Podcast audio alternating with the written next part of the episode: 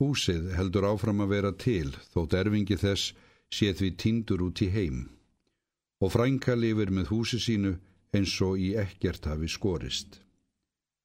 Hún kemur æsjaldnar út fyrir dyr því hún þarf ekki að leggja á sig mikil umsug vegna dagleira þarfa. Vorkunlát grannkona lítur stundum inn til hennar en mætir ekki þeirri gesturisni sem býður upp á tíðar heimsóknir. Hún hefur alltaf verið undarleg, auðmingin segir grannkonan út í frá og ekki fer henni fram.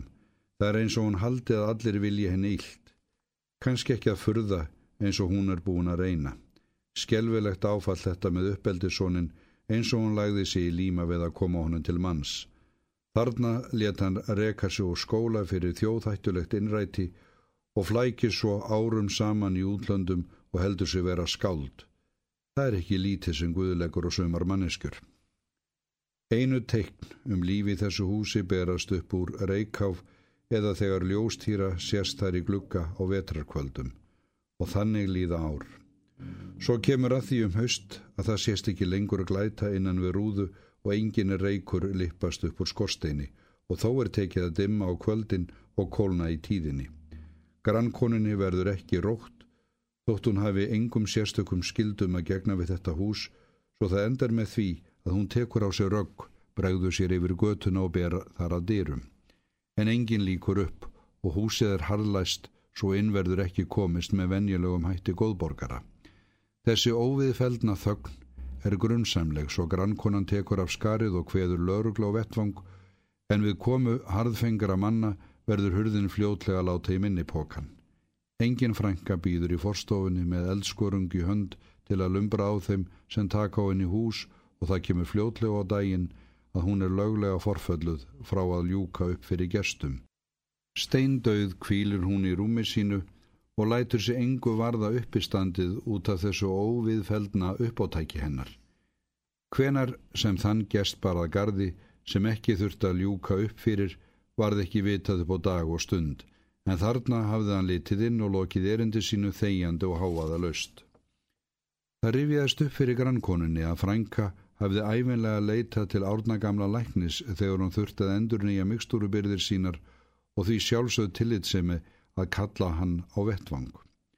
Páorður að vanda og stuttur í spuna virðir hann fyrir sér þessar fátaklegu leifar forgengileikans.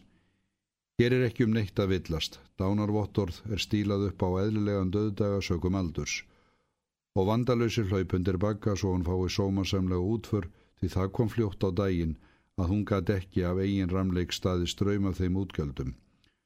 Hún hafði þó verið að vætt og því ekki viðegand að hóla henni niður eins og þurfalingi.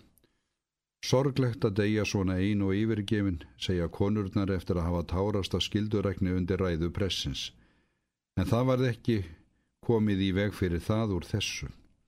Rátt fyrir virðulega útför var þó ekki allt fullkomnað því borgaraleg samviska lætur ekki að sér hæða. Þeir látnu eiga það til að minna óþægilega á sig eftir að þeir eru komnir af heimi af því að þeir vilja ekki láta sér skiljast að þeir séu döðir í eitt skipti fyrir öll. Og í þessu tilviki helt Franka áfram að telja til skuldar hjá þeim sem enn voru lífs. Fáinar framtaksamar konur hóa sér saman til að íhuga hvernig megi takast að kvitta þann reikning og þær verða fljótlega og eitt sáttar um að reikningsskilum af því tægi sé best borgið með því að sína frængu einhvert þann virðingarvott sem varir og líkur eru á að hún gerir sér að góðu. Finnst ykkur ekki viðegand að skjóta saman fyrir leggstein á leiðið? Það getur ekki orðið svo dýrt ef margir leggjast á eitt. Steitn á leiðið, samþygt með samkljóða atkvæðum. Það verður að kynna þessa fórtfúsu samþygt því annars nær hún ekki tilgangi sínum. Finnst ykkur það óviðegandi að halda dálítið hófa bjóða þeim sem líklegir eru til að láta eitthvað af hendi rakna? Óviðegandi, öðru nær. Það er allt viðegandi þegar tilgangurinn helgar meðaðlið. Þetta verður fjölmynd og vellukka sangkvæmi. Umræðurnar snúast eðlilegum mest um lífið og dauðan, sérilagið hann síðarnemda þegar líður á hófið. Ó hvað það hlýtur að vera dásamlegt að fá að deyja að loknu laung og gifturíku æfinstarfi eins og þessi látna heiðurskona.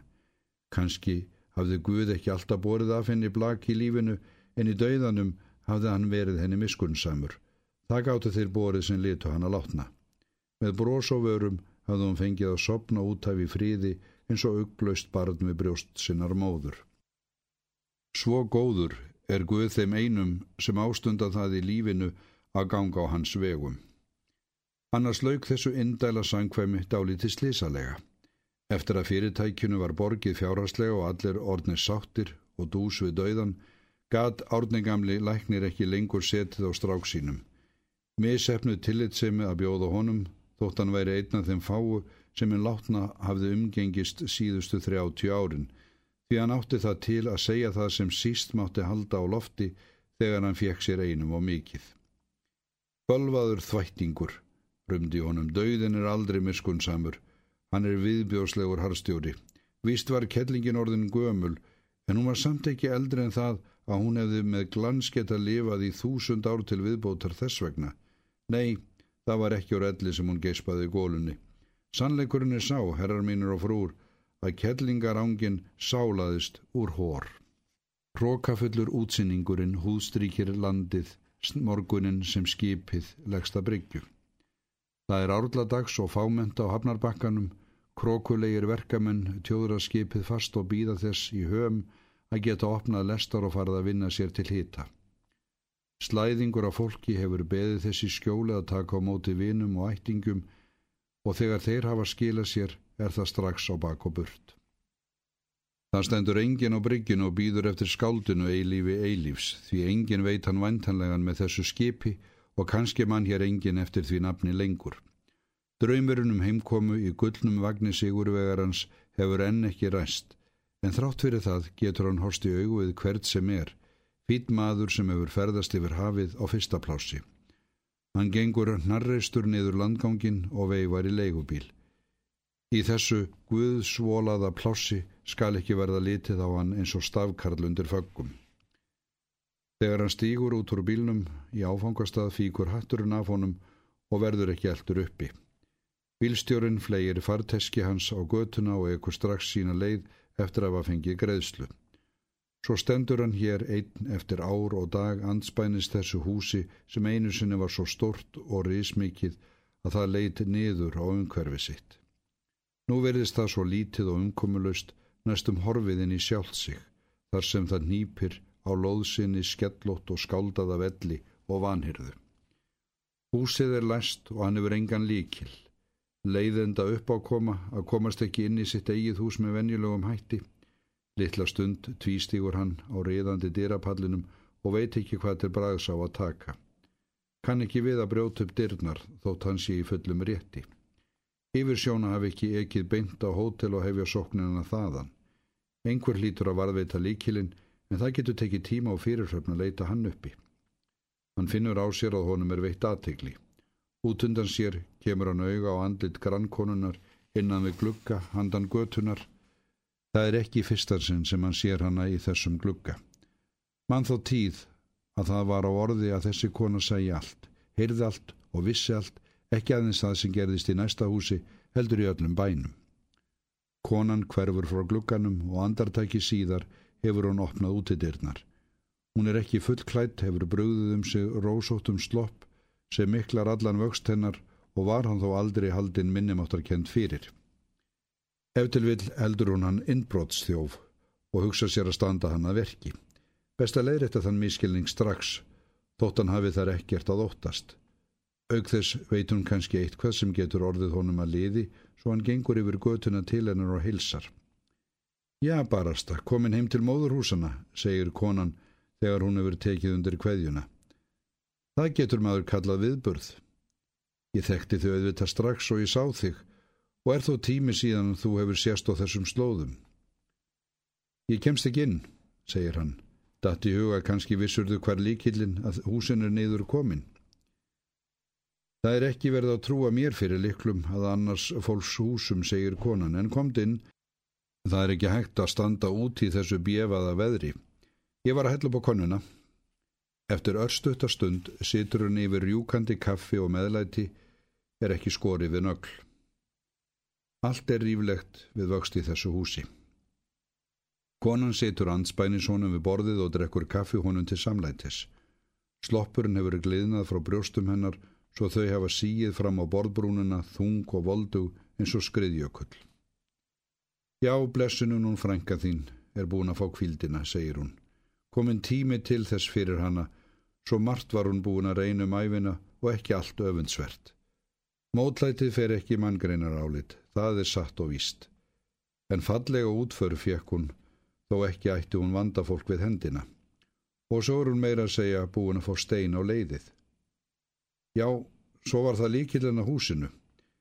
Hún veit ekki betur en að hann sé vöslu Magnúsar Arkelssonar lögfræðings. Hann hafði talað við hann að sjálfur fljótlega eftir jarðarföruna. Fjaska þægilegur og háttvis maður. Þó hún segi sjálf frá hafði hún haft lítilega höndi bakka með henni látnu á sjálfsöðu og meðan hún var enn á lífi og þurfti að hjálpa halda þó ekki meirinn svo að það tók því varðla að minnast á það. Hún var orðin fjaska innræn undir það síðasta blessund gamla konan og vildi sem minnst hafa saman við annað fólk að selda. En þær höfðu þó verið nánustuðu nágrannar og æfinlega farið vel á með þeim. Já, þessi virðulegu lögfræðingur hafði snúið sér til hennar og beðið hana að láta sig vita ef hún frétti eitthvað á skáldinu, eilífi eilífs, eða yrði hans vör á þessum slóðum. Hann hefði að vísu skrifað skáldinu brefvarðandi andlát frængu og annað í því sambandi en það er aldrei að vita hvort og hvenar bref komast til skila, svo veit hún ekki meira. Enda þótt konan staldri þarna við punkt, sangkvæmt eðli frásagnarinnar, er hún ekki búin að ljúka sér af. Hún vindur sér út í aðra salma og þótt hún lýsi því margsinni sifur að hún vit ekki neitt í frásögur færandi, tekst hennar tíunda eitt og annað. Hún fer hús úr húsi í götunni og rekur það sem á dagana hefur drifið í veraldarvafstri fólksins.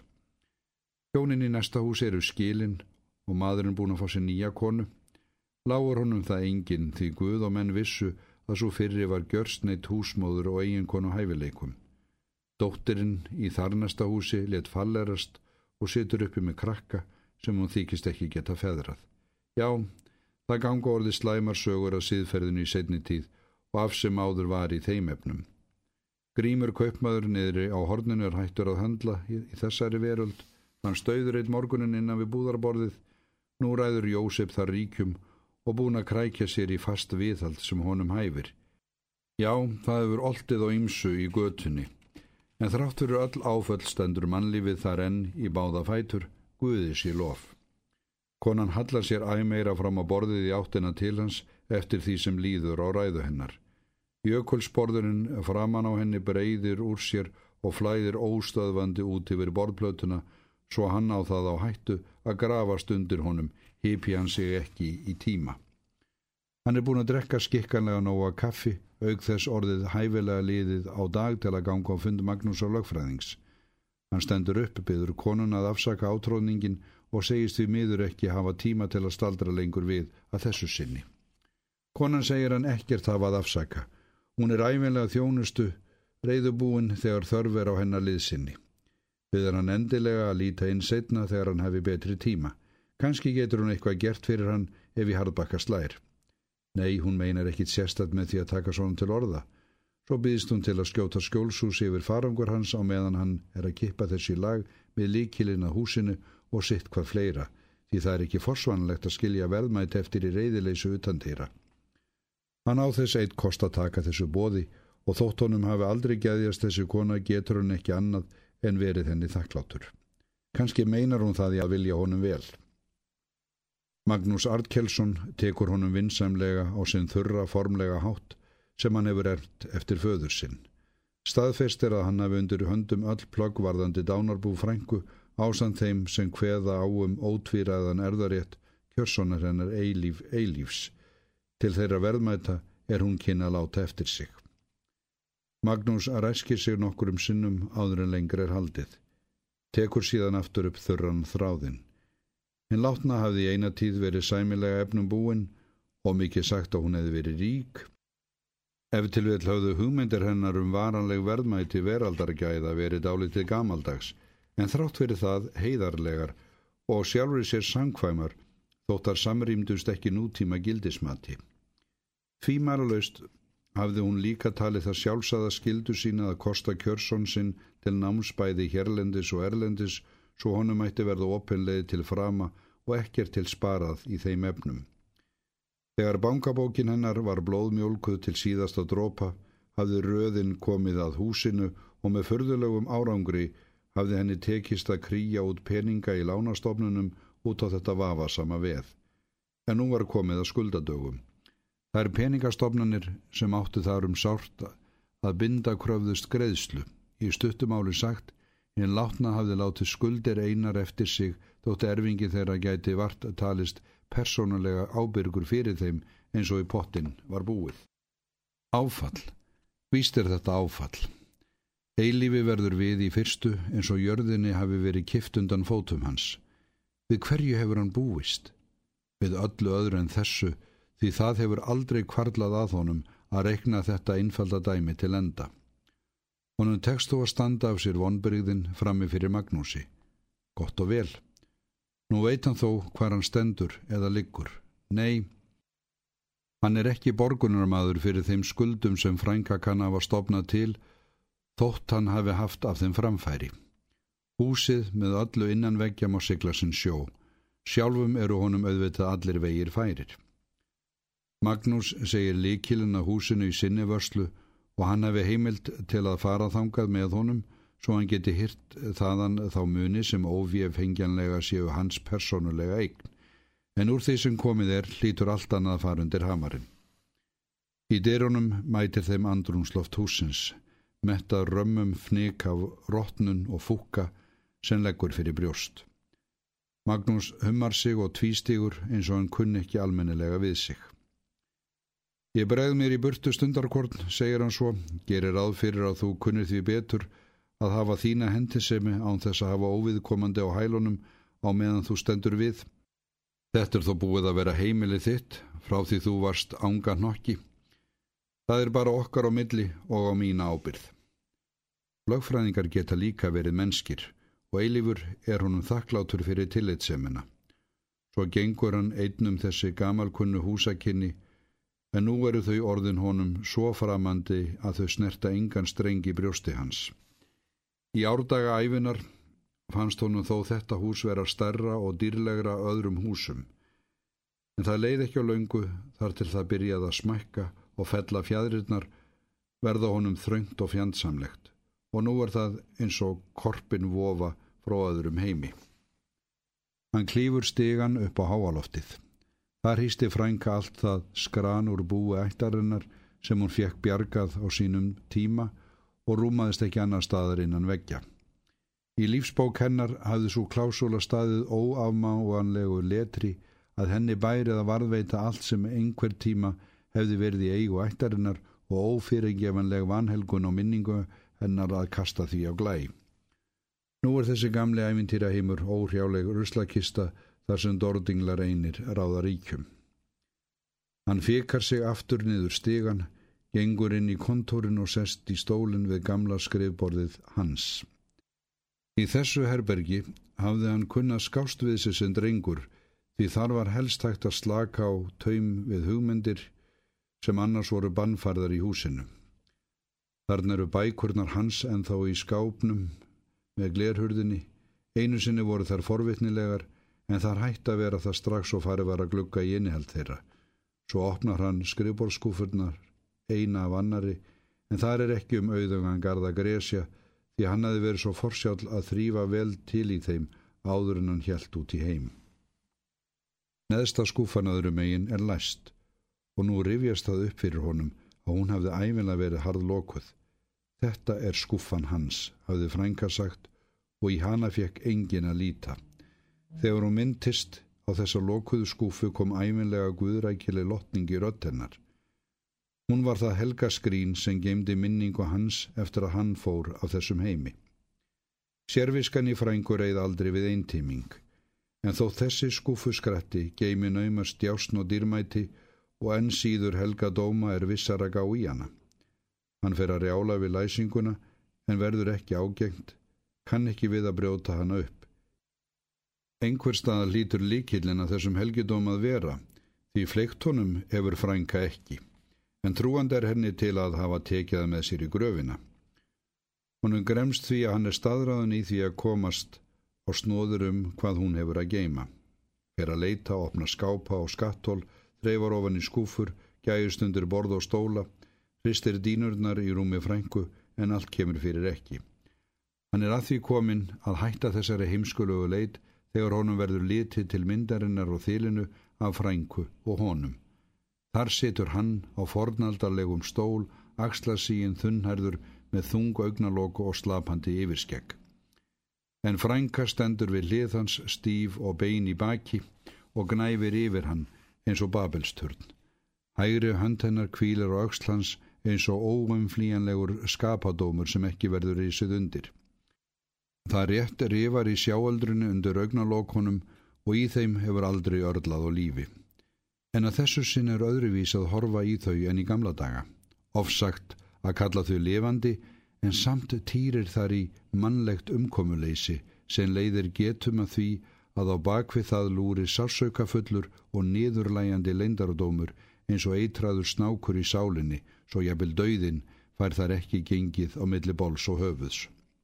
Hugarburður, skinnvilla, eða er í orðin eitthvað rugglaður, hugsaður hann með sér. Mynd er þó ekki annað en mynd, pappaspjald upp á vegg og svo ómerkilegt efni á sér engan leindardóm. Hann verður gramur sjálfum sér og þrýfur til myndarinnar til að losna við þessa óþægilegu kend.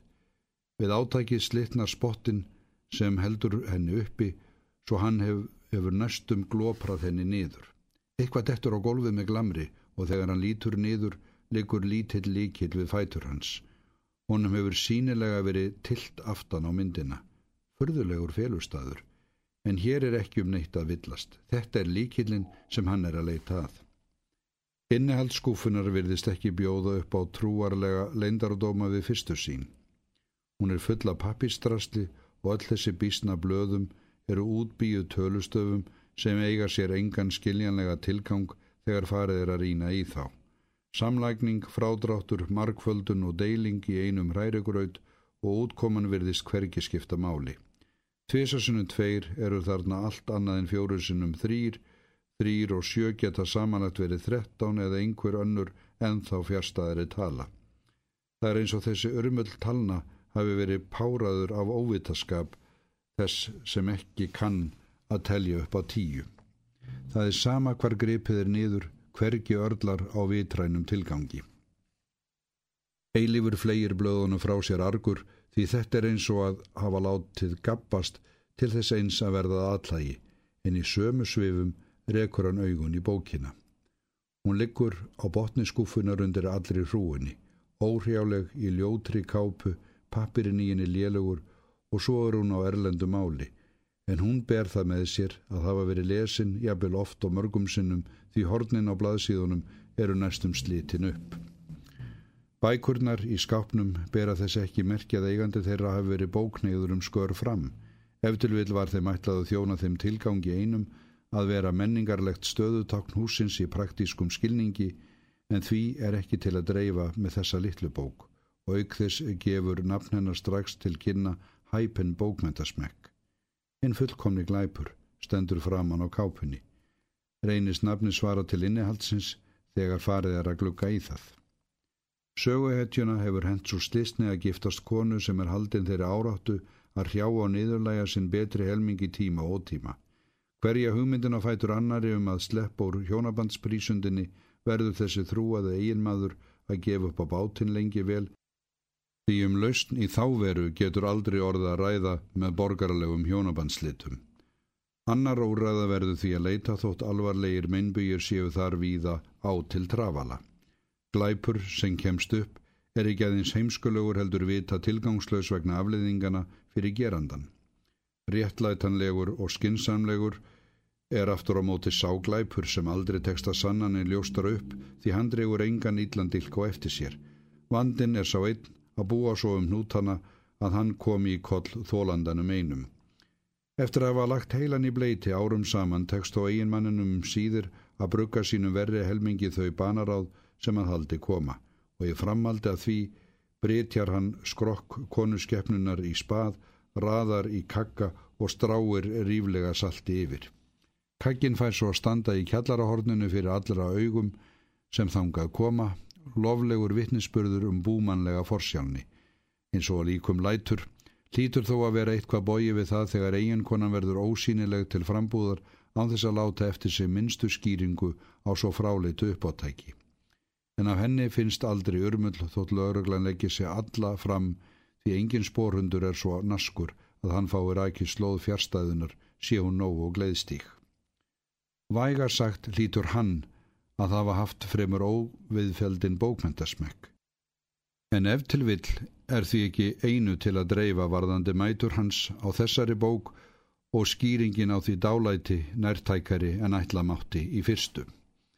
Eilífur tekur alla hrúuna, bladahugin með tölustöfunum og kjenslubókina í þeirri list hvernig hinn fullkomni glæpur verði framinn án þess að koma gerandanum í koll, treður öllu drastlunni í opnin, í stofin og kveikir í.